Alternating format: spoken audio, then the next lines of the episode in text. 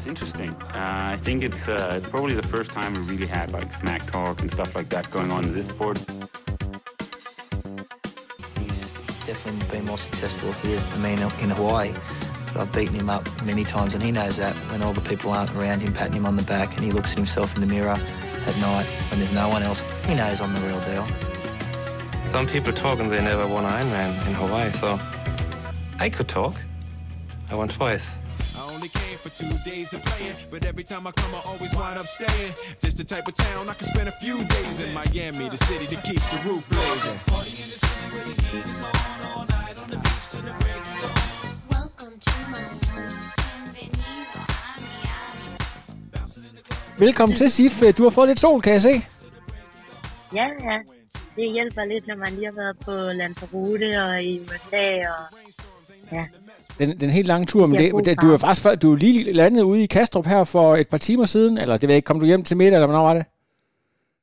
ja, jeg tror, vi landede omkring middagstid, så jeg var hjemme måske klokken 1 eller sådan noget. Okay. Det var meget fint. Så øh, har- har du fået øh, været ude og rulle en tur, eller, eller er det mest blevet til middagssøvn? Ej, jeg har lige rullet en time. Bare lige for at køre benene lidt rundt. Ja. Ej, det er fremragende, men skal, ved du hvad, skal, vi ikke, skal vi ikke simpelthen springe direkte ud i det? Det var jo et, øh, et kæmpe showdown og øh, noget af en øh, improvement fra, fra Daytona, hvis vi sådan skal sammenligne formaterne lidt. Øh, din, din egen oplevelse af, af hele det her show, det gik jo forrygende simpelthen.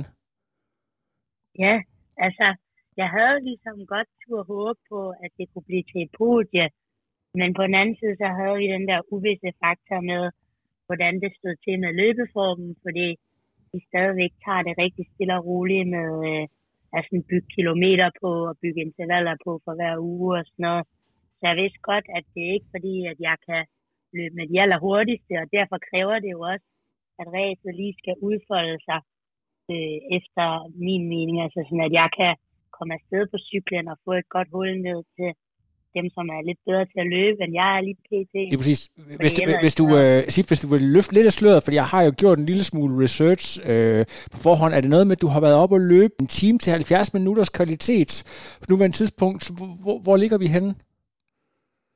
Øh, nej, altså, det eneste kvalitet, jeg har løbet øh, de seneste sådan par måneder, det har været øh, bakkeintervaller faktisk. Okay. Sådan, og der tror jeg samlet set, det har været sådan 20, ej venlig, jo 20 minutter, 20-25 minutters intensitet på bakker. Okay. en gang om ugen. Og så øh, min længste ture har været en times tid. Jamen, da- du så stiller, altså du vidste jo godt selv, at, øh, at di- din cykel er i høj klasse, og det er et sted, hvor du kan være med. Det, det var du egentlig også sidste gang. Hvor meget vidste du selv i forhold til løbet, at, øh, at, du kunne være med? Fordi det kan, altså, man kunne jo godt sidde og frygte lidt, at øh, du er med, og så lige pludselig, så forsvinder benene væk under dig, og så forsvinder top 10 bare væk. Altså, hvor confident var du egentlig selv? øh, ej, jeg synes, jeg føler mig ikke mega selvsikker, fordi når man aldrig har været ude på den distance før, Ja. ikke engang sådan lige noget træning inden eller noget, så er det svært at vide, hvordan kroppen lige reagerer Præcis. den sidste halvdel af løbet. Men jeg synes, jeg havde en god fornemmelse, da jeg løb ud af T2. Den var helt anderledes end i Daytona. Ja. Jeg følte ligesom, der var lidt mere at skyde med, og sådan, jeg prøvede at lægge lidt konservativt ud, så jeg lige kunne øge lidt til sidst også, for ligesom at være sikker på også, når det blev varmt på løbet, at man ikke lige får kogt over for tidligt. Ja, de atleter, der var en brasiliansk atlet og en spansk atlet, der, øh, der har gjort det rigtig godt tidligere, og de var også nævnt i øh, meget af pressematerialet som sådan forhåndsfavoritter. Øh, de fik jo ikke et ben til jorden. Altså den ene af dem blev, var sat med, med fem minutter eller sådan noget. Tror du, at øh, nogle af de andre, inklusiv dem, ligesom du ved, der står bag stævnet, var overrasket over dit niveau, og så, så hende englænderen, du lå og kørte sammen med? Øh, ja, men jeg tror, at de var lidt overrasket, øh, fordi jeg havde ikke været en del af sådan, deres pressekonference med deres favoritter op til racet og sådan nogle ting. Men sådan lige om eftermiddagen, dagen inden racet, der fandt de lige ud af, at de ville også gerne have nogle interviews med mig Ja. til det program, de skal have senere. Hvis nu, at det gik hen, og jeg gjorde det godt eller sådan noget, så havde de jo noget øh, med mig. Så der var jeg ligesom med der.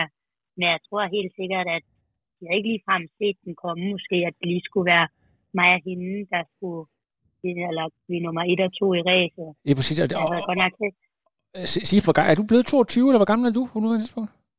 Nej, jeg er ikke 22 nu, jeg er stadig 21. Du er stadigvæk 21, og det er jo, det, det er jo sådan lidt, fordi jeg sad, det er, når man, når man bliver over 40, så synes man, at alle, der er i starten af 20'erne, det er, du ved, det er sådan basically teenagers, men jeg kunne lige se, at hun hedder jo, øhm, hende der vandt, øh, Lucy, hedder hun, øh, hun er jo 23, og du er så 21, så har vi de to andre, som er øh, midt i 30'erne. Jeg ser jo lidt for mig, at, det, at du sådan er øh, en del af en bølge af sådan en generationsskifte, som, øh, altså uden at være grove, kan vi godt sige, det er en lille smule tiltrængt. Øh, hvad, hvad, hvad tænker du egentlig selv om det? Ja, men jeg tror også, at det er ret spændende i forhold til generationsskiftet, for vi kommer mange af os med sådan en baggrund inden for noget kort distance, Mm.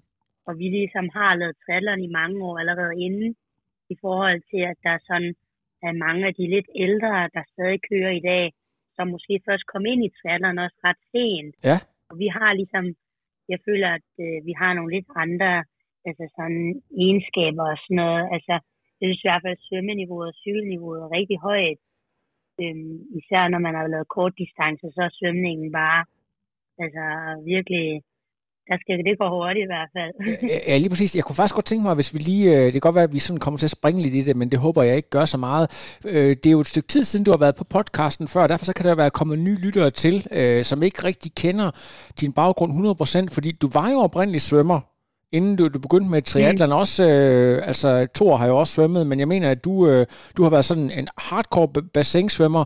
Kan du lige prøve at fortælle lidt om, øh, altså, hvor lang tid du egentlig var committed til svømning, inden du begyndte at skifte over til triathlon? Øh, jo, altså jeg har svømmet hele mit liv, og så begyndte jeg med noget konkurrencesvømning, sådan i, altså da jeg måske var 12 år eller sådan noget. Ja.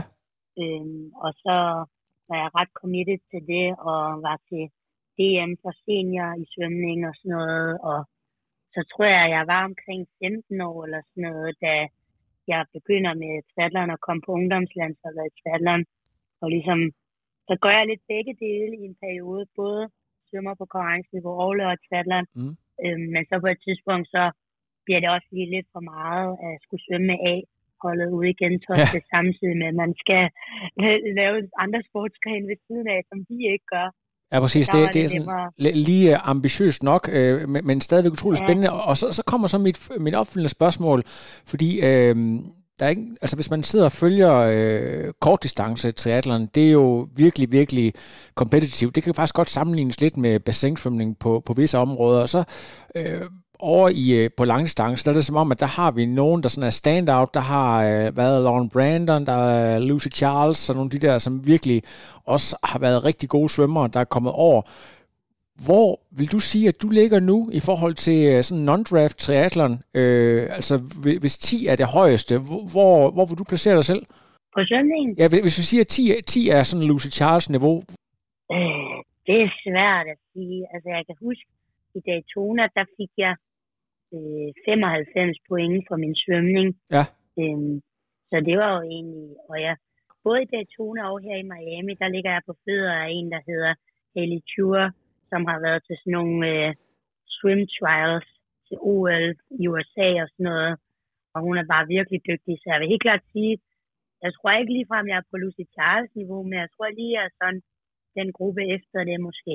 Ja du nævnte jo lige før øh, ganske rigtigt, at du har jo dykket triathlon i mange år. På en eller anden måde, så er det jo også som om, at det, det er fuldstændig nyt for dig. Jeg ved, at øh, sådan noget med at arbejde med aerodynamik og TT-cyklen øh, og så videre, det er, jo, det er jo et helt nyt ballgame. Prøv lige at fortælle lidt om, hvordan, hvad I har gjort der. Jeg ved, at der har været nogle, lavet nogle øh, hemmelige tests ude i Ballerup og så videre. Mm. Ja, jeg er nået lige at komme ud på banen i Ballerup og lave noget aerotest. Øhm, sådan lidt basale ting, vi fik testet noget med position og sådan noget, for at se, hvad, hvad der ville være hurtigt for mig og sådan noget. For vi havde ligesom sat mig op på enkeltstartcyklen, sådan, som vi tror vil være meget rigtigt, men så er det altid meget godt lige at få testet og set, om det reelt set er det bedste for mig. Og så fik vi lige lavet nogle ændringer op til ræset her. Øhm, men jeg kan godt mærke, at øh, det er ikke det samme som kort distance. Altså, der er mange ting, man lige skal lære at have styr på, og sådan noget, som jeg slet ikke har været vant til at skulle have styr på førhen. Ja, Så præcis. selvom jeg har lavet triathlon i mange år, så føler man sig stadig sådan lidt som en øh, nybegynder, når man står der inden Ja, og skal gøre alting klar.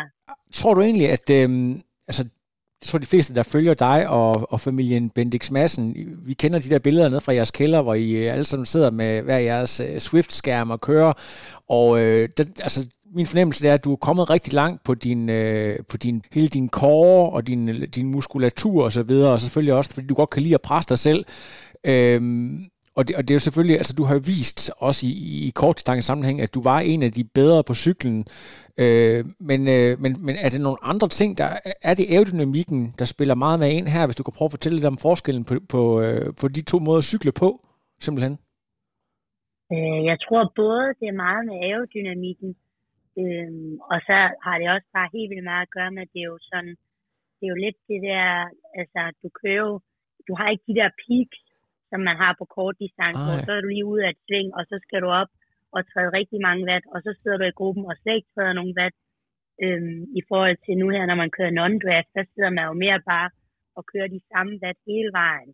Og ligesom det her med at skulle holde øh, nogle gode watt selv i bøjlen og sådan noget, så man skal lidt have en anden styrke og nogle andre kvaliteter, føler jeg. Øhm, og jeg har tit haft sådan en følelse af, at jeg, ikke, jeg er generelt ikke særlig eksplosiv. Så det har også været ret sjovt, at jeg har kørt så meget kortdistance i nogle gange i træning og sådan noget, så kan man godt se, jeg har ikke lige den der virkelig gode power, eller sådan, når jeg kommer løbende ud af T2 i en øh, sprintrace, så skal jeg også altid lige i gang den første kilometer eller to, øh, i modsætning til mange andre, der bare kan løbe mega hårdt ud, og bare være godt i gang fra start af. Ja, lige præcis. Men, men, men du kan godt føle, at øh, der er sket meget, hvis vi tager, taler om cyklen isoleret set, fra, fra Daytona og så til Miami, hvor der er, hvad der er 7-8 uger eller sådan noget. Altså bare på det korte stykke, der... Øh, altså, nu har jeg ikke lige været inde og as- analysere 100% på tallene, men jeg kan da se, at øh, som jeg har skrevet øh, i en kort opdatering på Instagram, at øh, I får alligevel skabt øh, i løbet af de her 62 km øh, et hul på, på 5 minutter ned til, til fjerdepladsen, ikke? Så, så der bliver altså trådt til, kan man Mm. sige. Ja, jeg synes også, det var meget overraskende, fordi jeg havde forventet, at hende fra Spanien, Sarah Perez, øhm, hun er jo kendt for at være rigtig dygtig til at cykle, Ja. og hun sidder super godt på hendes cykel. Øhm, og det var også hende, der var først i T2 foran mig i Daytona. Øhm, men så den her gang, der fik kørt op til hende hurtigt i racet, der bemærkede jeg bare, at selvom jeg lå de der 20 meter efter hende, så begyndte min watt bare, mit wattgennemsnit at falde, og vi kørte heller ikke særlig hurtigt. Og så var det sådan den der beslutning, jeg skulle tage med, kan det virkelig passe, at jeg skal køre forbi en af de helt gode Mm. cykelryttere i feltet og tro på, at jeg kan køre hurtigere end det? Eller skal jeg ligesom bare tænke, ej, hun er bedre end mig, jeg bliver bagved. Ja, Så det var også sådan lige den der modige beslutning at sige, ah, okay, det, det er ikke hårdt nok det her. Jeg kan godt få det til at gå hurtigere. Havde du Dion med på sidelinjen, der lige kunne stå og lave lidt øh, coachingarbejde, eller hvordan var det? Nej, jeg havde faktisk slet ikke nogen øh, med til at hjælpe eller noget. Jeg rejste sammen med Christoffer Visti fra klubben Ja. ja. også, som skulle køre for herre senere på dagen, men han skulle jo forberede sig på Det er sit klart. eget race. Ja. Så jeg havde faktisk slet ikke nogen til at give mig splittider eller Ja. altså sådan hjælpe med noget som helst. Så det var også lige sådan, det var lidt svært, men det lykkedes. Jeg tænkte på, når du er vant til at have kørt kort distance på virkelig højt niveau, altså du har jo været med til øh, EM og VM for junior og sådan nogle ting der, du har øh, været med til nogle af de helt store mesterskaber, det er jo sådan noget med splitsekunder. Hvis du træffer en forkert, beslutning, så kan, så kan det bare være game over. Øh, hvordan vil du egentlig sammenligne det der med at, at, at gå ind og tage en modig beslutning i, øh, i den her type konkurrence? Altså synes du, det hele det går lidt langsomt, eller kan du stadigvæk godt finde nogle elementer, du synes er fede, også sådan de der mentale ting? Jamen, jeg synes faktisk, der er mange fede elementer, fordi at selvom at ræset varer i markant længere tid end en sprintkonkurrence, så synes jeg stadigvæk, der hele tiden er nogle elementer, man tænker over. Så er det noget med, så skal man have noget væske, eller så skal man lige overhale nogen, eller sådan, der er alle mulige ting hele tiden. Så det er ikke fordi, hvis folk tror, og det er også bare kedeligt at sidde og cykle i 60 km i bøjlen, eller sådan noget, fordi der sker noget hele tiden, og den her rute havde jo også en masse sving og sådan noget. Så det var heller ikke, fordi man bare kørte omgangen Ja, præcis. i cirkler. Hvis man fulgte med i herrenes race, så kunne man jo se, at Lionel Sanders for eksempel, han, øh, han, han tog den på, øh, han har sagt røv og albue øh, og var ude af racet, så, så, så man var simpelthen man var nødt til at være alert også. Ja, ja. Især også, når man skulle ud og lappe andre atleter Mm. på ruten, for så vi havde fået at vide, at vi faktisk måtte selv vælge, om vi vil overhælde indenom eller udenom. Nå, Og det okay. er jo sådan lidt det, det vilde vesten, når man ligger derude, og nogen tager svinget sådan i den helt store bue, og andre tager den sådan helt smalt og sådan noget. Og sådan, heldigvis oplevede jeg ikke nogen rigtig farlige situationer, men jeg var da lidt bekymret, øh, hvis nu der lige var en, der tog et ting dårligt, mens man skulle overhælde den eller sådan noget. Lige præcis. Vi skal lige have fulgt uh, selve konkurrencen til dørs. Altså, du og Lucy der, øh, stiller, du stiller cyklen 20 sekunder før hende. Jeg ved faktisk ikke, om hun allerede. Mm. når op forbi dig i skiftet. Øh, har du et hurtigt skifte? Nej, det, det gjorde hun ikke. Altså, jeg kom ind i T2 de der 20 sekunder før hende, og så tror jeg også, jeg var ude af T2 i 20 sekunder før hende, eller Ja. ja. sådan noget. Øhm, fordi der var nemlig også, det var også ret sjovt, der var en bonus på 1000 dollars for at være først ud af T1 og først ud af T2. Så jeg fik også lige snuppet den der bonus ved at være først ud af T2. Sådan. Så er der til flybillet Det er hjem. altid lige lidt bonus. Ja, det er det. Ej, det er genialt. Det er, det er sådan rigtig americano. Det, er, det kan jeg godt lide. Øh, men, men altså, mm, nu, øh, jeg, jeg, jeg fulgte hende, eller du ved, jeg sad og fulgte med på øh, live-timingen, og øh, så kunne jeg jo lige se, hvem er øh, key players her. Så går man lige ind og følger på Instagram. Jeg kan se, det er en, der også løber noget øh, cross-country. Det er ret stort i, i, øh, i England, så det er i hvert fald en, der på en eller anden måde godt kunne finde ud af at løbe. Da hun kommer op forbi dig i det pace, hun har, bakker du simpelthen af og prøver på at, sikre dig andenpladsen, eller hvad går der igennem hovedet på dig der? Øh, altså, jeg synes, der var mange tanker, der gik igennem hovedet, fordi man vil jo altid gerne vinde. Altså, det er jo fedest at vinde race, og man vil jo gerne kæmpe for at vinde. Mm. Øh, men jeg vidste også godt, at der handlede det bare om på løbet, at jeg skulle holde mig til det pace, som mig og Jens havde snakket om, ville være realistisk for mig. Og så vil jeg egentlig hellere lægge konservativt ud, og så kunne øge den sidste halvdel af løbet, end at jeg risikerede at prøve at følge med hende, og så måske gå helt kold og bare miste podiet eller et eller andet. Mhm. Øhm, fordi jeg lige skulle satse lidt, fordi nu havde vi jo så langt ned til nummer 4, så det ville også være sindssygt dumt, hvis jeg begyndte at satse på løbet og kunne miste det hele. Ja, præcis. Hvad, hvad, altså, da du så, du ved, du har været i et virkelig langt øh, skadesforløb, og øh, sikkert også virkelig tvivlet i lang tid på, om, om øh, du ved, selvom man har været mega god, så hvis man øh, er, sk- er skadet i bare nogle måneder, så for ikke at tale om et helt år, så kan man komme til at tvivle på, om man nogensinde kommer tilbage på det der helt høje niveau igen. Du kommer ind i sådan et, et højprofileret race i en kæmpe venue, får en, øh, en stor anden plads. Hvad sker der i hele sådan mediesetup'et, og hvilke tanker gør du dig selv i, i hele det der? Det er jo fuldstændig sindssygt. Ja, altså jeg var mega glad for endelig lige at opleve noget nedgang efter alle de skader og sådan noget. Og Ja. jeg følte også, det var mit første race i altså nærmest et par år, hvor jeg faktisk følte, at det, det gik godt, og at jeg ligesom havde noget at skyde med, og kunne være sådan competitive med de andre i racet og sådan noget. Øhm, men jeg vil også sige, det er ikke fordi, jeg jo hele tiden godt vidste, at øh, det var der jo et eller andet sted. Jeg Mhm. skulle bare ligesom genfinde mit niveau igen efter øhm, skaderne, men det er rigtig fedt at se, at jeg allerede er ved at være sådan rimelig godt tilbage. Øhm, men det har også krævet ligesom, fordi når man går fra at have været en junior, der har, altså jeg vandt eller kom på podiet i nærmest alle de racer, jeg stillede op i, Det er jo det. øhm, og så man rykker op og bliver senior, og man får en masse skader, og lige pludselig, så ligger du og bliver nummer 30 eller 20 i en World Cup.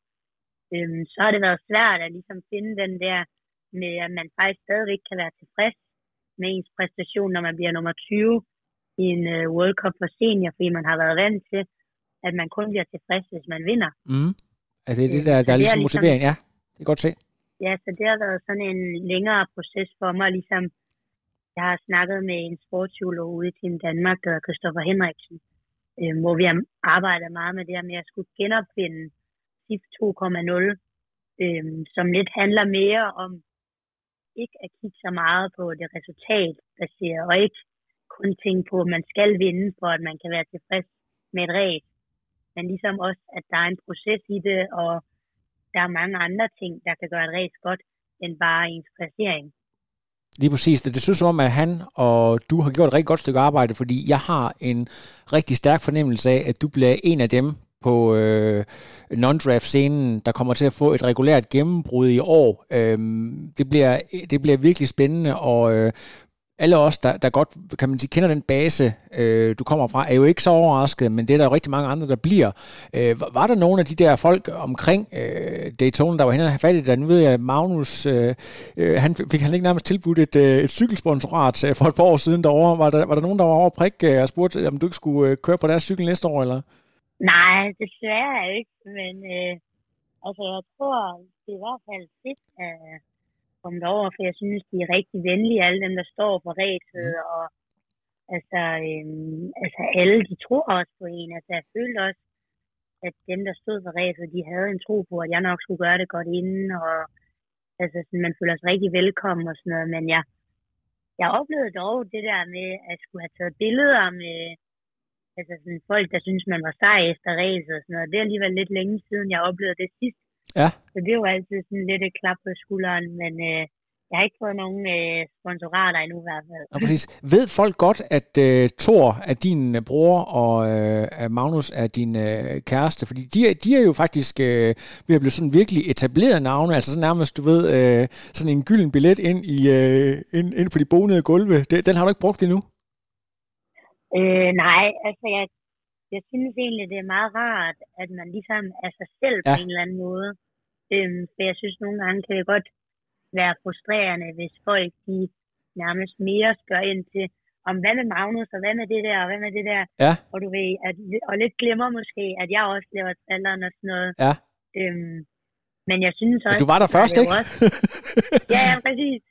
Men øh, altså, for eksempel da jeg kom i mål i Daytona, så var der også en fan, der kom hen til mig og sagde, lige jeg kom i mål, om jeg ikke lige kunne tage et billede af ham og Magnus der. og Magnus havde jo bare stået på sidelinjen og hæppet. Og du ved, det tager jeg ikke så tungt, men det er mere bare, det er også fedt at kunne vise, at man også selv ja. er mere end øh, bare en, der er i familie med nogen, der er gode og sådan noget. Men jeg vil også sige, det har også hjulpet meget at have både Thor og Magnus, fordi altså, hvis Magnus ikke lige har kunnet fortælle mig alle de der gode fifs til non-draft race og sådan noget, så tror jeg da lige, det havde taget et par ræs mere, før jeg måske lige havde nailet den i, på ræsdagen, fordi der var mange ting, man lige skal være klar over og sådan noget. Ja, lige præcis. Men øh, ved du hvad, det er jo rigtig, rigtig spændende lige nu, fordi øh, noget jeg også øh, noterede mig, det var, at du laver et gigahop. Jeg har ikke lige talt sammen, hvor mange point det er. Det er jo ikke, det er jo ikke sådan et øh, uh, diamond, eller hvad, hvad de kalder det, de der helt high score race, men i og med, at du får den placering, du gør, og at du også er relativt tæt på vinderen, så, øh, så hopper du jo direkte ind på den der PTO-rangliste øh, der. Og det betyder jo også, at det åbner nogle døre i forhold til, jeg ved godt, at øh, I har måske ikke lige planlagt så langt frem, netop fordi I ikke vidste, hvordan der var ledes med den liste der. Men, men øh, hvilke tanker gør du der omkring det? At det lige pludselig bliver aktuelt med, med PTO og så videre? Altså, jeg er meget glad for det, fordi vi havde netop valgt ikke at lave en plan for stævnerne efter det her race, fordi vi gerne lige vil se, hvor mange point jeg kunne få, og om det ville være muligt øh, at ligesom få nogle gode point, så jeg kan komme tættere på øh, at komme med i nogle af de der P2-ræs. Øh, og man kan da sige, at det virker til, at det nok skal blive nogle gode point, jeg får. Øh, og hvis jeg kan få et ræs mere den slags, eller lidt bedre, så vil det jo se rigtig godt ud i forhold til at kunne komme med. Øh, og det er jo også helt klart det, vi, vi jagter lige nu, fordi det, jeg har jo ligesom, normalt har jeg jo kørt kortdistance race, øh, men den her sæson har jeg ligesom valgt at sige, nu vil jeg gerne prøve noget helt andet, et helt andet format, mm. som måske øh, gavner mine cykelevner lidt bedre. Øh, for jeg havde en fornemmelse af 9 ud af 10 af de racer, jeg kørte på kort distance. Der kunne jeg aldrig få noget ud af min cykling, som jeg gerne ville. Det var svært at slippe afsted fra gruppen, og man ender alligevel med at skulle på løbet. Og når man har været så meget skadet, som jeg har, så har man ikke lige de der mega hurtige løbben til sådan 5 km. Ej, lige præcis. Det er også, hvad kan man sige, når, når, du har, når du har hvad kan man sige, været skadet i så lang tid, så din, hele din, øh, din mængde, altså det, det, det tager jo ekstremt lang tid at opbygge den volume, som det kræver at løbe på, på det der helt øh, exceptionelle niveau, øh, som der skal til for at, mm. at gøre sig gældende på kort distance. Men jeg kunne godt tænke mig i forlængelse af det der, så spørge dig, Øh, du er ikke helt ude af OL. Du har stadigvæk en, en fod i døren i forhold til en, øh, en øh, hvad kan man sige, en reserverolle på øh, OL-holdet. Øh, for dem, der ikke ved det, du har faktisk vundet øh, en medalje i ungdoms-OL, så det er ikke fordi, det sådan er fuldstændig fremmed for dig. Men den der drøm om Paris, og også det der med, at du kommer fra svømning, hvor OL ligesom er det største, og så det der med, hvis du tænker det over til triathlon, om det så er noget, du godt kan lægge på hylden til fordel for at søge din succes på øh, langdistance, hvis det giver mening? Ja, altså det har også været en svær beslutning, og noget, jeg har gået og tænkt over i et års tid, mm. eller sådan noget, så jeg ligesom har valgt, at han havde noget handling øhm, på det. Så jeg synes, at OL har jo altid været den helt store drøm for mig, øhm, og noget, jeg rigtig gerne vil med til. Øhm, men jeg har bare haft, altså jeg har oplevet de seneste to års tid, eller sådan noget, at hver gang jeg har kørt et kort distanceræs, så har det nærmest bare gjort mig mere trist og ked af det, og det har været demotiverende, og jeg har haft svært ved at finde den der glæde i at køre ræs. Ja. Øhm, og så synes jeg, i sammenhæng med, at man ikke har glæden med det, så begynder resultaterne også at blive dårligere, fordi man bare ikke er motiveret og glad, når man kører racet. Ja. Øhm, og så derfor så prøvede jeg ligesom at finde ud af, okay, altså kan trilleren stadigvæk godt motivere mig og gøre mig glad. Øhm, og så prøvede jeg at køre i Daytona og køre et non race og der fandt jeg bare ud af, at det var mega motiverende og noget, der ligesom gjorde mig glad og noget, som jeg faktisk kunne virkelig, altså havde lyst til at se frem til og sådan noget.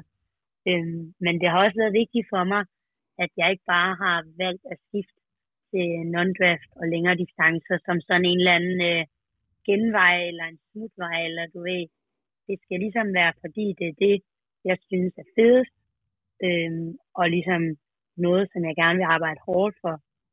Øhm, fordi, men det er jo klart, at OL-drømmen er jo mega svær at komme med til, og det er jo ikke bare lige en walk in the park. Lige præcis, og man kan sige, hvis du er, hvis du er 21 år nu, øh, nu kan jeg se, der var, ja. Øh, hvad hedder han, øh, bare et hurtigt eksempel, Carl, altså nordmænd, det kender vi alle sammen, men Carl Smith for eksempel, er jo øh, er faktisk lige gået tilbage og sat sig på at, at køre OL. Så det, bliver, altså, det er jo ikke utænkeligt, at du, øh, altså hvis det nu ikke lige bliver i, i Paris, så har du jo faktisk alderen til, at, øh, at du vil have en, en perfekt alder fire år længere ude i fremtiden. Så det er jo ikke fordi, den, at den er fuldstændig slukket, i hvert fald ikke, når vi snakker sådan moderne triathlon, kan man sige.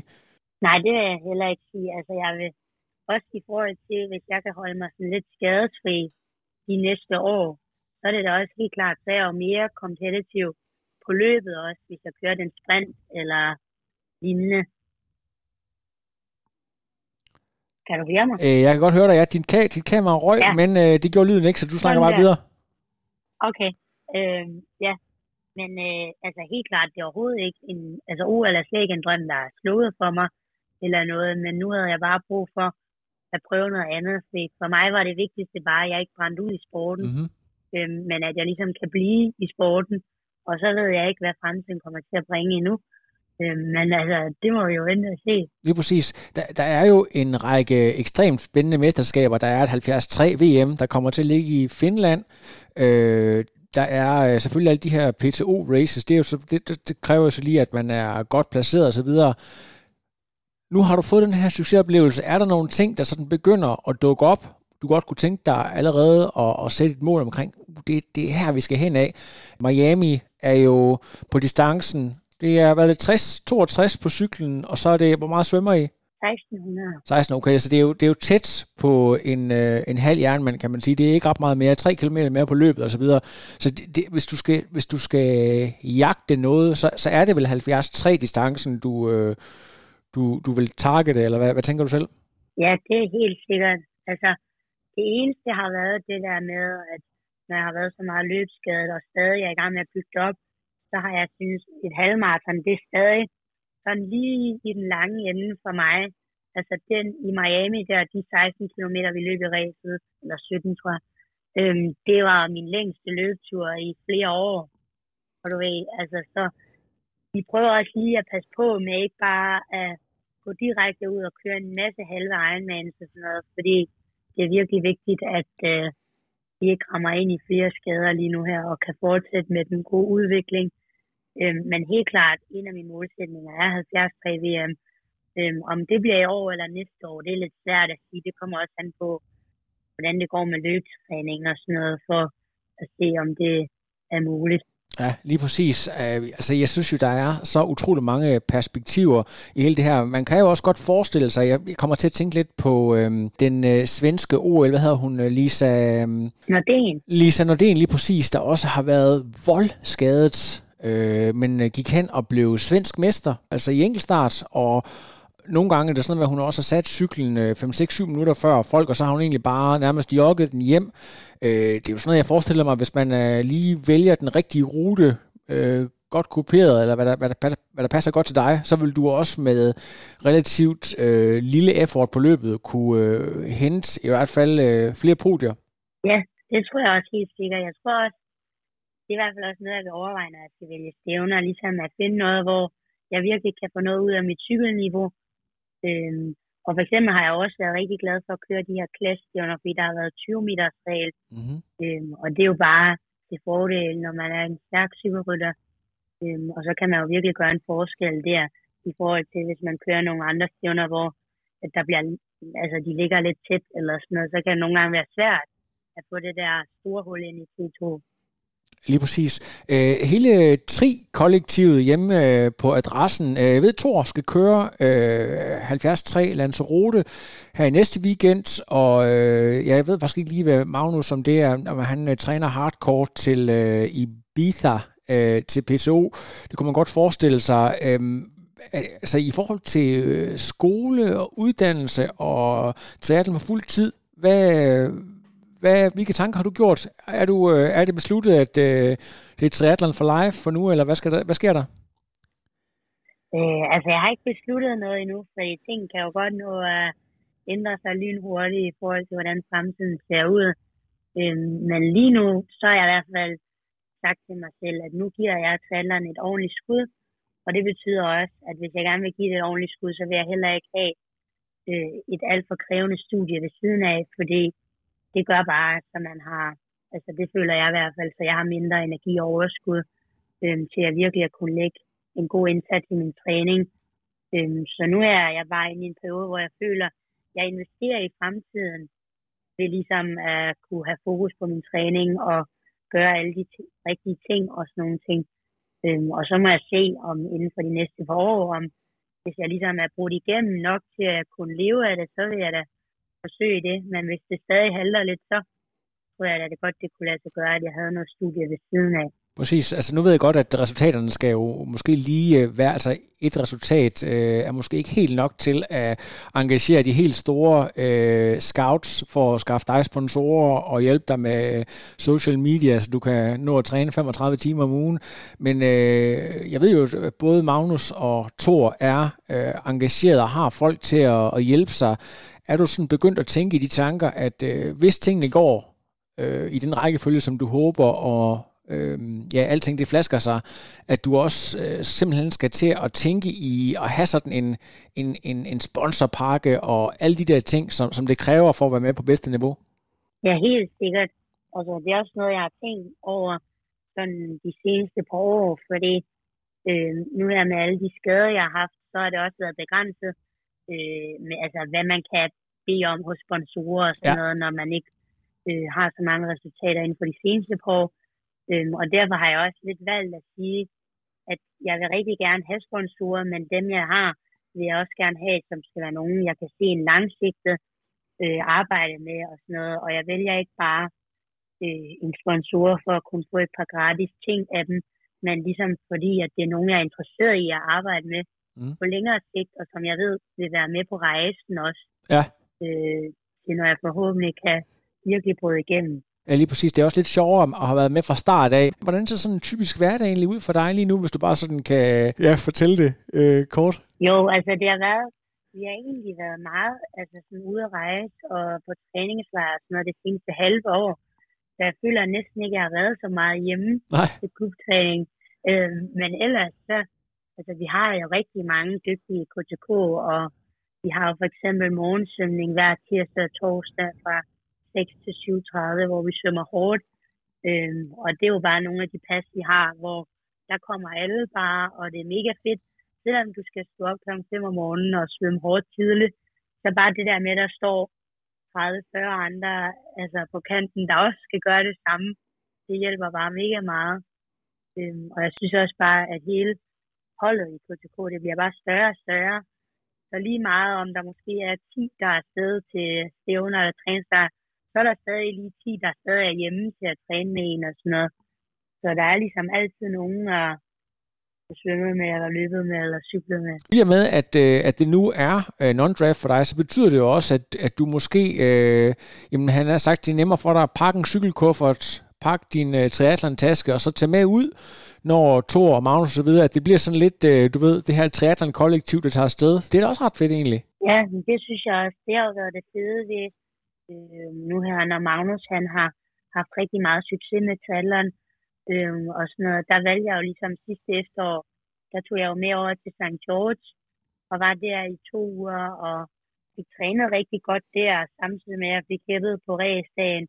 Og så tog jeg jo med videre til Cozumel, og trænede der i varmen i tre uger, og videre til Daytona og køre mit eget race. Øh, men bare det der med, at man kan komme med og komme ud og træne, altså sådan, ude hvor det er dejligt varmt og sådan noget, selvom det er november måned, og hjemme i Danmark er det bare noget rigtig øv. Ja. Det giver jo bare virkelig meget værdi, at man kan komme med der, og at jeg ligesom kan være en del af det. Det synes jeg er virkelig, det er mega taknemmelig for i hvert fald, fordi jeg vil da helt klart sige, hvis jeg ikke havde de muligheder, når man har øh, nogen tæt på sig, som kan, man kan tage med og rejse med og sådan noget, altså, så ville det da helt klart være sværere. Ja, øh, ja. Folk, der ikke selv har været meget på træningslejr, de tror, at, øh, at det sådan er, er ren lykke, men øh, tro mig, når man har været øh, på træningslejr i en måned og været i den samme buffet hver dag, så, så kan det altså Ja. også godt blive øh, for meget det gode, ikke? Og man kan godt mærke, altså sådan, det er en fin længde, når man er afsted i sådan 3-4 uger øh, ja. af gangen. Men når man kommer over de der 3-4 uger, jeg havde nu her i starten af året, der endte jeg med at være først to uger på Fuerteventura med landsholdet på træningslejr. Og så tog jeg færgen over til Lanzarote, og var på Lanzarote i fire uger. Så jeg endte med at have været på de kanariske øer i seks uger. Det kunne jeg også godt mærke til sidst på træningslejren, den der 6. uge der, der skulle man lige passe på, at man ikke lige kom til at få kørt sig helt i seng, for øh, altså, sæsonen er jo lang, og vi er jo kun lige startet. Lige præcis. Hvis vi lige kan gå en lille smule tilbage og tale omkring det der med løbet. Hvad er det, er det konkret din, øh, noget med, med lårmuskulaturen, eller hvad er, hvad er, hvor er det problemet har været? Og også i den forbindelse, det der med, der er jo kommet sådan en, en skorevolution, også i, der er mange, der taler om det der med altså carbon. Det gør selvfølgelig nogen, at man løber stærkere, men der er også nogen, der mener, at det godt kan øge risikoen for skader osv. Så, videre. så, så hvad har I egentlig gjort med hele det der? Mine skader, jeg har haft inden for de seneste to år, så har jeg haft to øh, træthedsbrud. Og Så- begge to samme sted, eller? haft. Jamen, det har været, øh, begge gange har været i hoften. Det er sådan lige øh, øh, den øverste del af lårbensknoglen, der sidder ligesom sådan lige omkring hoften. Og så har jeg bare haft det i højre side først. Øh, det var i 2021 i starten af året. Jeg fik den i højre side. Og så i 2022 i starten af året, der fik jeg så et træthedsbrud i venstre side af hoften. Så det har ligesom været samme knogle, men bare højre og venstre side. Wow. Øhm, ja, øh, og problemet har også været, at vi har haft svært ved at finde ud af, hvorfor det kom. Fordi en ting var, hvis jeg havde rendt rundt og løbet 100 km om ugen og virkelig presset den der. Men altså, da jeg fik mit andet træthedsbrud sidste år, der var jeg kun lige nået op på 40 km løb om ugen eller sådan noget. Øhm, så det har været en lang proces med Team Danmarks læger og fyser og alt muligt med at få testet alt, hvad der nu kan blive testet for at finde ud af, er der noget, vi overser. Øhm, men faktisk fandt vi aldrig rigtig frem til noget. Altså min knogledensitet og blodprøver og det hele, det var helt fint. Øhm, så det har været lidt svært ligesom at vide, om vi så kommer til at lave det samme fejl igen. Øh, men nu har vi ligesom prøvet at skrue lidt ned for den ugenlige træning, altså sådan den generelle træningsflow, så det ikke kun har været løbet, vi har fokuseret på, men også alt det ved siden af. Øhm, og så ligesom prøvet at sørge for, at jeg altid har lidt overskud i, i mine træningsuger og sådan noget, så vi ikke lige går for meget over grænsen. Ja, og, og hvad betyder det så? Så er du nede på, hvad skal vi, jeg gætter 28 timer, 25 timer? Nej, altså, jeg tror, at en gennemsnitlig træningsuge ligger nok mellem 20 til 25 timer om Okay. ugen. Øhm, så vi har ligesom prioriteret, at det er vigtigt, at jeg har kvalitet i min træning, mm. end at jeg går ud, for jeg kan sagtens gå ud og fyre 30 timers træningsuge af, hvis det skulle være. Men problemet er bare, så plejer vi bare at have en tendens til, at så kommer skaderne bare på et tidspunkt. Øhm, så derfor så ligger vi lige en lidt mere konservativ Hvad, hvad er det så for nogle øh, pas, som du, som du i de gode gamle dage ville, øh, ville have taget uden at blinke med øjnene, som nu er blevet skåret fra, bare så man har en fornemmelse af, hvor er, hvor er det, man skærer henne, når man sådan skal sige, nu er vi nødt til lige at, og, øh, øh, sænke den der load lidt? Ja, altså for eksempel så løber jeg intervaller en gang om ugen. Øh, førhen løb jeg intervaller to gange om ugen. Øh, men så også rigtig meget med cykling. Der har jeg to intervallpasser om ugen. Det har jeg altid haft. Men vi har ligesom skåret meget ned på de der, øh, altså bare mængde og lette cykelture i løbet af en uge.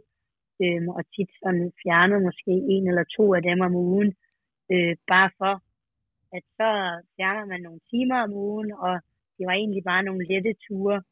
Øhm, og det har vi bare fundet ud af, at der kan det lige så godt betale sig, at jeg får slappet af, i stedet for at jeg sidder og cykler to til tre timer eller et eller andet. Så kommer mit spørgsmål så, for det lyder jo for lytterne her som om, at det er øh, en gave direkte sendt fra Gud, men hvis man øh, har været vant til at træne øh, først som elitesvømmer, siden man var helt lille, og bagefter som triatlet, øh, og så lige pludselig får foræret 4, 5, 6 gratis timer, hvor man øh, egentlig bare skal holde sig mest muligt i ro. Det er vel ikke noget, man bare lige gør? Altså, Nej, det har også været helt vildt svært, fordi jeg har virkelig trænet meget, meget hårdt fra en ung alder af. Ja. Øhm, og dengang, da jeg var yngre, der handlede det nærmest bare om at træne så meget som muligt og så hårdt som muligt. mm. Øhm, og nu her, så har vi ligesom øh, prøvet at vende mig lidt af med den der tanke med, at man bliver jo ikke bare bedre af at træne meget. Og selvom at der er nogle af ens konkurrenter, der træner 30 timer om ugen, så er det måske bare ikke lige der, jeg er. For det er ikke det, der gavner mig mest lige nu. Øhm, så det har været vildt svært at ligesom nogle gange skulle sige, nå, så skal jeg bare ligge og snappe af her til eftermiddag, i stedet for at cykle to timer med Magnus og Thor eller et eller andet. Mm. Øhm, men ligesom at stole på, at den plan, som Jens har lagt for mig og sådan noget, den virkelig er det rigtige. Det synes jeg, det har hjulpet meget. Og også at kunne se, øh, hvordan jeg så har mere energi og overskud i mine andre træningspas. Og jeg rykker mig jo stadig. Mm. Altså min form bliver jo bedre og bedre, så det er jo ikke fordi, at øh, det går ned ad bakke, selvom vi har fjernet et par timer. Nej, det er, lige, det, det, det, det er først lige startet. Nu øh, er jeg jo ikke øh, fysiolog, men sådan noget som styrketræning, er det noget, man kan gå ind og, og, og bruge, eller, eller kan man ikke påvirke øh, knoglerne på en positiv måde øh, af den vej? Hvad, hvad, hvad gør I andre tiltag? Drik en masse mælk? Jamen, vi har også... Nej, jeg har, jeg er begyndt at styrketræne. Det gjorde jeg, jeg fik mit første træthedsbrud i 2021. Der fandt vi ligesom ud af, okay, nu vil vi prøve at snakke med nogle fysiologer ude i Team Danmark om at få lavet nogle gode styrketræningsprogrammer, som gavner mig og måske kan holde mig mere skadesfri og styrke sådan omkring hoftene øh, og baller og sådan noget, for det var der, hvor jeg var ret svag. Øhm, så det har vi haft rigtig meget fokus på de sidste to-tre år, øh, at kontinuerligt have styrketræning to gange om ugen, øh, og ligesom være i dialog med fysioterapeuter og fysiologer omkring øh, programplanlægning og sådan noget, fordi jeg føler i hvert fald, at vi har prøvet altså, at tage fat i alle de ting, der er at tage fat i, øh, i forhold til alle de her skader, jeg har haft, og ligesom også prøve at ændre lidt på nogle ting, for at se, okay, hvis vi ændrer på det her, så gør vi jo i hvert fald et eller andet, for at det skal kunne blive bedre på længere sigt, mm. i stedet for at man bare bliver ved med at lave de samme fejl. Præcis. Og der, var et spørgsmål før, som jeg øh, egentlig glemte, og, eller det spor glemte jeg at gå ned af, i forhold til helt konkret med at kigge på, på sko. der hjælper dig der, hvor du er nu? Er det noget, I, øh, I har kigget øh, nærmere på? Hvordan? Ja, der har jeg også fået lavet noget løbeanalyse, både ude i Team Danmark af deres fyser, øhm, og så også, der har vi en anden atlet i KTK, der hedder Jakob Lemholdt. Han er også fys og arbejder, arbejder i Kejsersport, øhm, hvor de sælger jo løbsko. Så der har jeg jo ligesom haft mulighed for at få prøvet en masse løbsko og kigge på, øh, hvilke nogen er bedst til mig og min løbstil. Og øh, så har vi også bevidst, øh, i hvert fald siden mit sidste træthedsbrud, fjernet sådan carbonskoen i min intervallpas. Mm.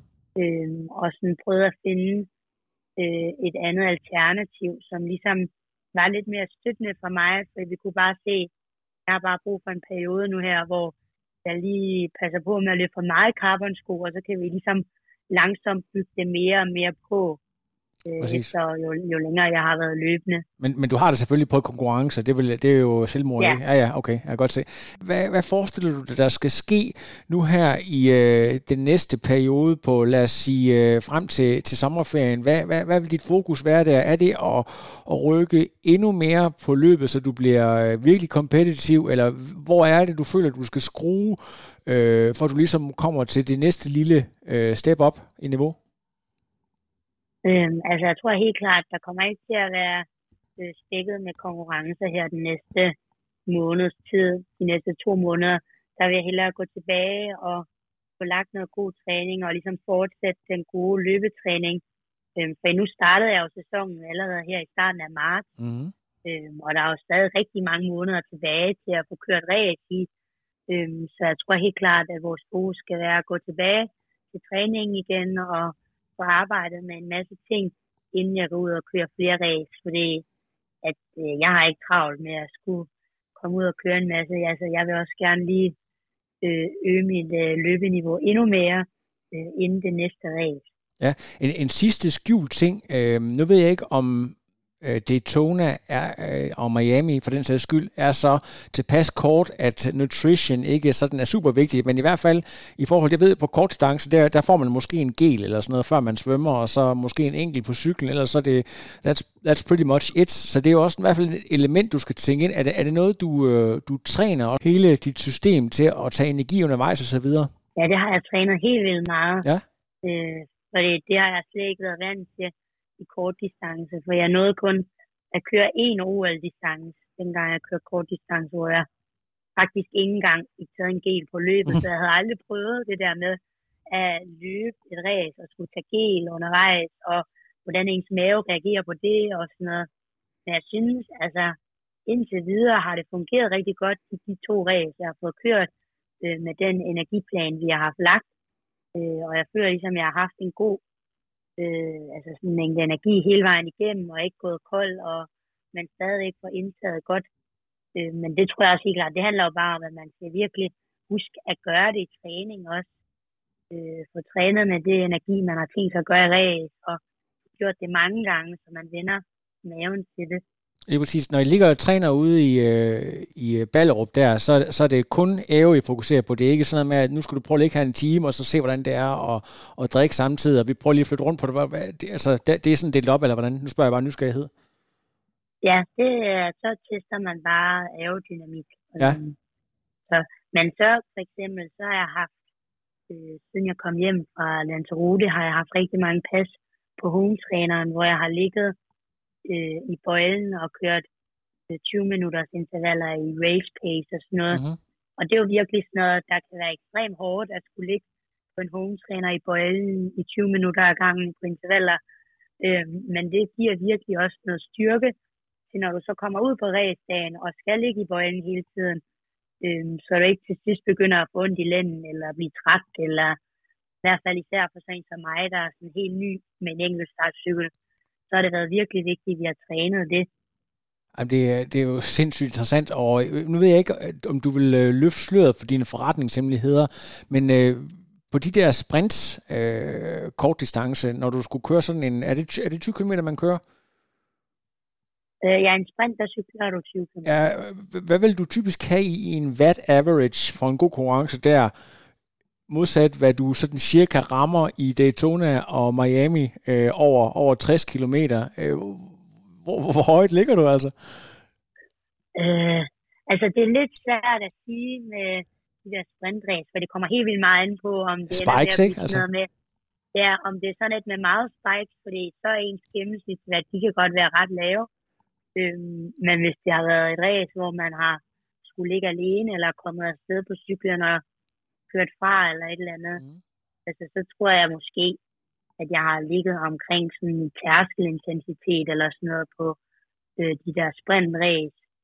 Øhm, men jeg har også, jeg har i hvert fald fået øget min øh, gennemsnitsvært fra Daytona af. Jeg havde en fornemmelse af, at øh, her i Miami skulle jeg nok bare ligge omkring det samme som i Daytona. Øh, men der fandt jeg hurtigt ud af, øh, i ugerne op til, når vi havde lavet nogle tests og sådan noget af, hvad jeg skulle ligge på med watt og sådan noget, at egentlig kunne jeg godt lige sætte 10 watt på mere og sådan noget, og, øh, og det synes jeg egentlig også fungerede rigtig fint på racedagen, uden at man var alt for smadret, når man skulle på løbet. Ja. Og jeg tror også, at det har vi også bare fundet ud af i min træning, at jeg kan, øh, altså jeg kan formå at ligge med rigtig fine vat og stadigvæk kunne holde min laktat lav og sådan noget. Og det kan man godt undre sig over, hvorfor jeg kommer over for kort distance og nærmest slet ikke kan få min laktat op nogle gange, når jeg cykler en falder. Mm. Øhm, men det er også noget, vi skal til at arbejde med nu her, hvor vi har tænkt os at tage noget lidt mere øh, VO2 max-baseret øh, træning. Ja, for ligesom, for det er jo heller ikke noget, at øh, jeg ender med at blive sådan en dieselhakker, der bare øh, ligger med lav laktat. Altså man skal jo også kunne finde ud af at producere det. Altså, hvis vi tager Magnus som eksempel, øh, det virker jo til, at han har relativt stort talent for at køre. I nærmest jo længere, jo bedre øh, bliver han. Har du en fornemmelse af, at, øh, at, at, der, at der er noget talent for at køre non-draft simpelthen? Altså, vi, vi ved jo godt, at, at, at cyklen er en force, men også hele dit energisystem og så videre, at, at, at du vil være god til at køre også de længere distancer? Øh, altså, det er lidt svært at sige, men hvis jeg skulle sådan komme med en helt egen øh, vurdering, uden at være sådan mega fysiologisk og sådan, så vil jeg sige, at jeg føler, at det er det, der er bedst for mig, fordi jeg har rigtig svært ved at skulle helt op og peak, og altså hvis du bad mig om at cykle 10 sekunder all out eller sådan noget, så er jeg bare ikke sådan super god i forhold til, hvor god jeg kan være, hvis jeg skal øh, køre sådan længere i gang og sådan noget, og ligesom kunne holde nogle ret høje watt over lang tid. Så 280 det, det, watt, det kan du, 280 watt, 2 timer, 300 watt, 10 sekunder. Nej, dog ikke. Men altså, jeg føler i hvert fald, at det, det, det er i hvert fald noget, jeg virkelig har kunnet bemærke i race i kort distance. Det der med, jeg har slet ikke den der, når man løber ud af T2, og de andre bare kan lægge ud, som jeg ved ikke hvad. Og jeg først lige skal bruge en kilometer eller to på at komme ind i rytmen, og så kan jeg løbe hurtigt. Mm. Øh, så det er i hvert fald, det synes jeg har været rart ved de her længere distancer, det der med, at jeg bare kan lægge ud det her sådan lidt mere behagelige tempo og sådan løbe mig lidt ind i det. Det har fungeret godt for mig. Præcis. Det, det sidste spørgsmål, jeg godt lige vil runde af med, øh, det er måske også øh, det, jeg startede lidt med at sige, det der med, at du kommer ud og møder en atlet, der også er øh, young and up and coming, men, men sådan på de hjemlige breddegrader, der har vi jo øh, ikke rigtig nogen på din alder, der konkurrerer non-draft på så højt niveau, som du gør.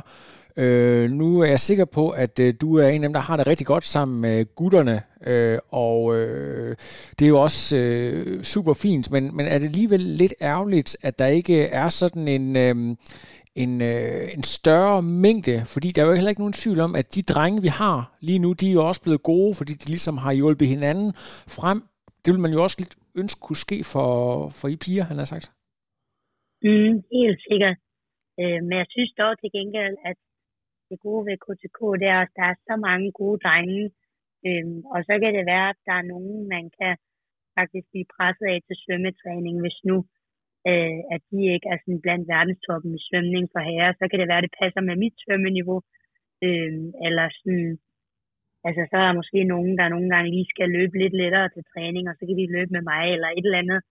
Øhm, men man kan da godt fornemme, at der er ikke helt den der samme øh, man bliver ikke presset på den samme måde. øh, som de drenge fra klubben kan gøre. Men jeg synes egentlig, at det har, nu har jeg været vant til at træne med drenge i så mange år, og Ja. jeg synes, det fungerer meget godt. Jeg tror, det eneste, der kan være lidt, det er, at jeg også kommer til at sammenligne mig med drengene. Ja, Så ligesom, altså, nogle gange, hvis jeg er ude at cykle eller sådan noget, og sådan nærmest kan blive sådan helt, ej, hvorfor kan jeg ikke lige være lidt tættere på dem, eller sådan lige følge lidt mere med og sådan noget, eller når jeg kører ned ad stigninger eller sådan noget, når jeg har været på træningslejre og ude med nogle af drengene, som er super gode nedad, og jeg så selv bliver sat af dem nedad, så kan jeg jo sidde og tænke, nu kan jeg jo bare slet ikke finde ud af at køre nedad, men hvis jeg så kommer ud sammen med nogle piger, så kan jeg jo godt se, ah, okay, mit niveau er jo egentlig meget fint Ja. i forhold til andre piger. Men nogle gange kan man godt lige komme til at sammenligne sig lidt for meget med det andet køn, og det er måske lige nok. Ja, lige præcis. Har, har du egentlig altså igennem både selvfølgelig de sociale medier, er det nemt at holde kontakt og så videre. Øh, du har kørt en masse konkurrencer. Har, har du nogle jævnaldrende øh, øh, bekendtskaber, veninder, øh, kollegaer, kan man sige, altså, som også er ved at lave samme øh, skifte, som du er, øh, som du følger lidt med i, og som måske kunne være nogen, du øh, kunne tage den her journey sammen med? Øh, nej, faktisk ikke sådan rigtig, i hvert fald ikke sådan nogen på min alder. Nej. Øh, der er jeg ikke rigtig lagt mærke til nogen, der har gjort det. Og det er jo også sådan lidt tidligt. Øh, normalt så er der jo mange, der lige kører en del flere år på kort distance, Ja. de begynder på længere distancer og sådan noget. Så jeg tror egentlig mest, det er derfor. Øh, men jeg føler allerede, når jeg har været ude til de her to klassestævner, at jeg ligesom har fået rigtig mange nye bekendtskaber. Ja. Øh, for eksempel hende, der vandt i Miami, hende Lucy. Ja. Hun var rigtig flink at snakke med og sådan noget, og så kommer man også bare ud og lærer en masse nye at kende, og hun er jo ret meget ligesom mig. Hun kommer også og har lavet kort distance, og heller ikke er sådan super gammel endnu, og heller ikke har så mange sponsorer på dragten og sådan noget. Ja, og præcis. det er meget hyggeligt at snakke med sådan nogle også. Ja, kan man godt sige, at det der med alder, øh, som kvinde i hvert fald, at det også er en ting, der øh, ud over dine resultater, kan være med til at skille dig ud, at der kommer en atlet på 21 her, som øh, simpelthen angriber mellemdistancen for fuld smadre, at, at det simpelthen i sig selv er så god en historie, at det er noget, som man kan forestille sig, at medierne, triathlon-medierne osv. vil tage fat i i løbet af sæsonen. Det kunne da være fedt, hvis de gjorde i hvert fald. Ja.